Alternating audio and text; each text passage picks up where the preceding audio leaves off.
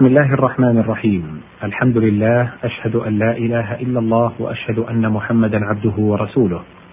اللهم صل وسلم وبارك على عبدك ونبيك محمد وعلى آله وصحبه ومن تبعهم بإحسان. أيها المستمعون الكرام أيتها المستمعات الكريمات السلام عليكم ورحمة الله وبركاته. أحييكم تحية طيبة في مستهل هذا اللقاء مع ألفاظ من كتاب الله العزيز نبينها من خلال كلام الفصحاء في شعرهم ونثرهم. والمقام متوقف عند مادة القاف والسين والواو. وذلك قوله تعالى في سورة المائدة وجعلنا قلوبهم قاسية القسوة غلظ القلب وصلابته وخلوه من الرحمة وضده اللين. يقال قسى قلبه يقسو. والمقاساة معالجة ذلك. القاف والشين والعين. قوله تعالى في سورة الزمر مثانية تقشعر منه جلود الذين يخشون ربهم. الاقشعرار أن يلحق الجسم قشعريرة وهي الرعدة النافضة للجسم من تذكر شيء مهيب أو هجومه. ويكون ذلك في الفرح والترح. ووزن اقشعر افعلل والمصدر الاقشعرار. والاسم القشعريرة فهو مقشعر ومقشعر منه. القاف والصاد والدال. قوله تعالى في سورة فاطر فمنهم ظالم لنفسه ومنهم مقتصد. المقتصد المستوي الحال بين الحالين. ولذلك قال تعالى فمنهم ظالم لنفسه ومنهم مقتصد ومنهم سابق بالخيرات.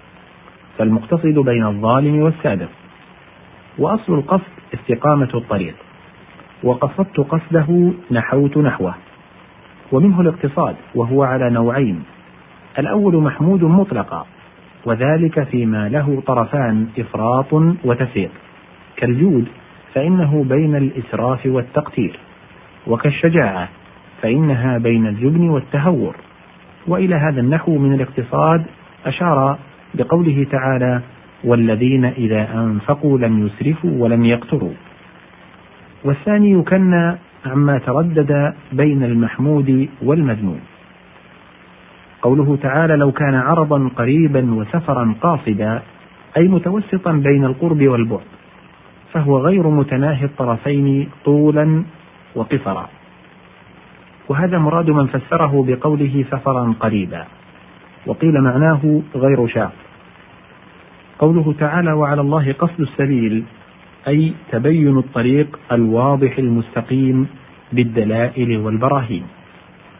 وقولهم أقصد السهم أي أصاب كأنه وجد قصده. قال النابغة في إثر غانية رمتك بسهمها فأصاب قلبك غير أن لم تقصدي. وانقصد الرمح انكسر. وتقصد تكسر.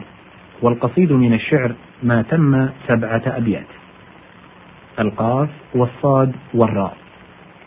قوله تعالى في سورة الأعراف لا يقصرون أي لا يكفون. يقال قصر وأقصر إذا كف. وقال الراغب قصر في كذا توانى وقصر عنه لم ينله وأقصر عنه إذا كف مع القدرة عليه. قوله تعالى حور مقصورات قيل معناه مجعولات في القصور. يقال قصرته إذا جعلته في القصر.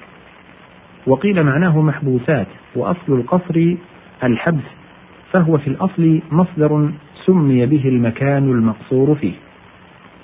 والقصر ضد الطول فهما متقابلان.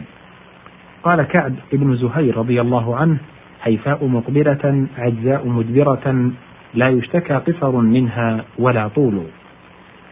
قوله فيهن قاصرات الطرف معناه أنهن يقصرن أبصارهن على أزواجهن فلا ينظرن إلى غيرهم رضا بأزواجهن. وقيل معناه لا يمددن أعينهن إلى ما لا يجوز. القاف والصاد والصاد. قوله تعالى في سورة يوسف نحن نقص عليك أحسن القصص أي نبين لك أحسن البيان. من قولهم قص فلان الخبر أي أتى بقصته من قصها وأصله من قص الأثر أي تتبعه حتى عرف صاحبه أين سلك. والقصص الأثر نفسه. قال تعالى فارتدا على آثارهما قصصا. ومنه القصيص وهو ما يبقى من الكلأ بعد تتبعه بالرعي والجزم. والقصص الأخبار المتتبعة. ثم جعل الاستقصاء عبارة عن تتبع كل شيء. والقصاص المشروع لأنه يتبع الدم بالقول. قوله تعالى وقالت لأخته قصيه أي تتبعي أثره. وقوله تعالى فارتدا على آثارهما قصصا أي رجعا من الطريق الذي سلكاه يقصان الأثر. القاف والصاد والفاء. قوله تعالى في سورة الإسراء قاصفا من الريح. هو الذي إذا مر على شيء قصفه وكسره من بناء وشجر وغير ذلك.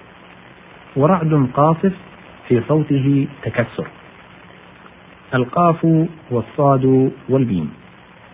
قوله تعالى في سورة الأنبياء وكم قصمنا من قرية كانت ظالمة القصم الحطم والهشم ويعبر به عن الهلاك.